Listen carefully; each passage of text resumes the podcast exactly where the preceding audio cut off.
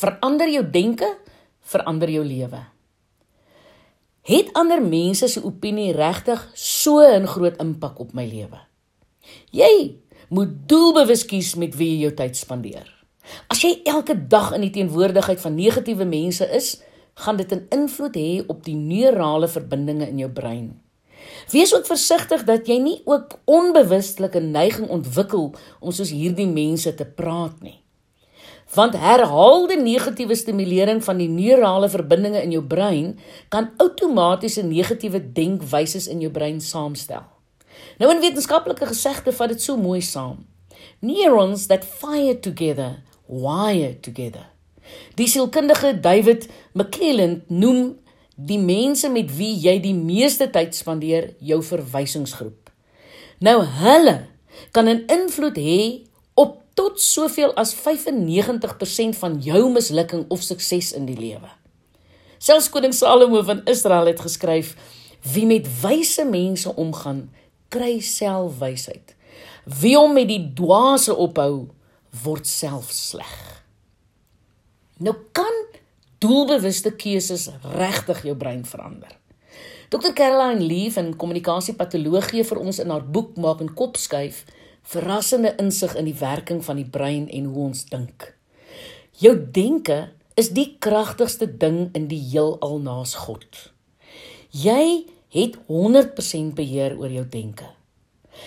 Wat jy dink, verander jou brein en liggaam. En jy is ontwerp met die mag om jou brein aan te skakel en jou denke is daardie skakelaar. Ons besef dit nie, maar ons het 'n buitengewone manier om optimale vlakke van intelligensie, geestesgesondheid, vrede en geluk te bereik en te handhaaf, soveel so dat jy siekte in jou liggaam en verstand kan voorkom. Jy kan deur bewuste pogings beheer kry van jou gedagtes en gevoelens en daardeur kan jy die programmering en chemie van jou brein verander. Ons breine verander elke oomblik terwyl ons dink.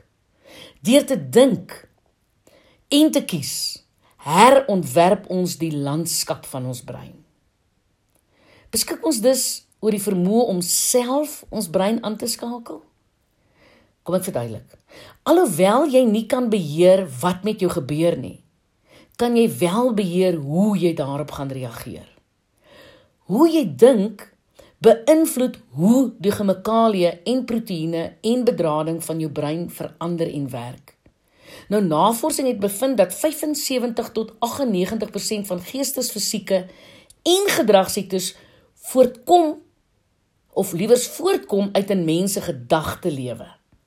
Negatiewe gedagtes sal dus jou brein aftakel en later jou liggaam ook. Maar as jy positiewe gedagtes dink, sal dit positief inwerk op jou brein en lei tot die vorming van nuwe denkpatrone en die fisiese opbou van die brein. Ons is nie slagoffers van ons biologie of gene nie. Ons is saam met God medeskeppers van ons bestemming. Die keuses wat jy vandag maak, het nie net 'n invloed op jou gees, siel en liggaam nie, maar kan ook 'n invloed hê op die volgende 4 geslagte. Ons is ontwerp om goeie keuses te maak. Ons slegte keuses kan dus verwyder word. Dis wonderlik om te weet dat ons brein neuroplasties is wat beteken dat dit verander en groei. Nou hoe werk herprogrammering van die brein? Nou die menslike brein is kompleks en bestaan basies uit 3 dele: die agterbrein, die middelbrein en die voorbrein. Ek verduidelik vir jou die werking daarvan so eenvoudig as moontlik. Die agterbrein beheer jou asemhaling, jou hartklop, jou slaap en ander primitiewe reaksies, terwyl die middelbrein jou emosies beheer. Die voorbrein is grootendeels gemoeid met die verwerking van inligting. Nou kom ons kyk na die vloei van 'n insident. Ons beleef 'n insident en ons agterbrein word geaktiveer wat onmiddellik in sy na die middelbrein stuur wat 80000 keer vinniger is as die voorbrein wat gemoeid is met die verwerking van die inligting.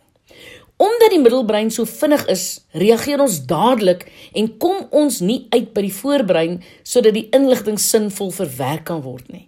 En om hierdie rede tree ons dikwels emosioneel en nie rasioneel op nie. Ons moet leer om te stop en te dink en die emosie oor te stoot na die voorbrein en dan eers op te tree. Dit neem so 5 sekondes. Jy is ontwerp met die mag om jou brein aan te skakel en jou denke is daardie skakelaar. Lees ook my boek Die pad na emosionele herstel.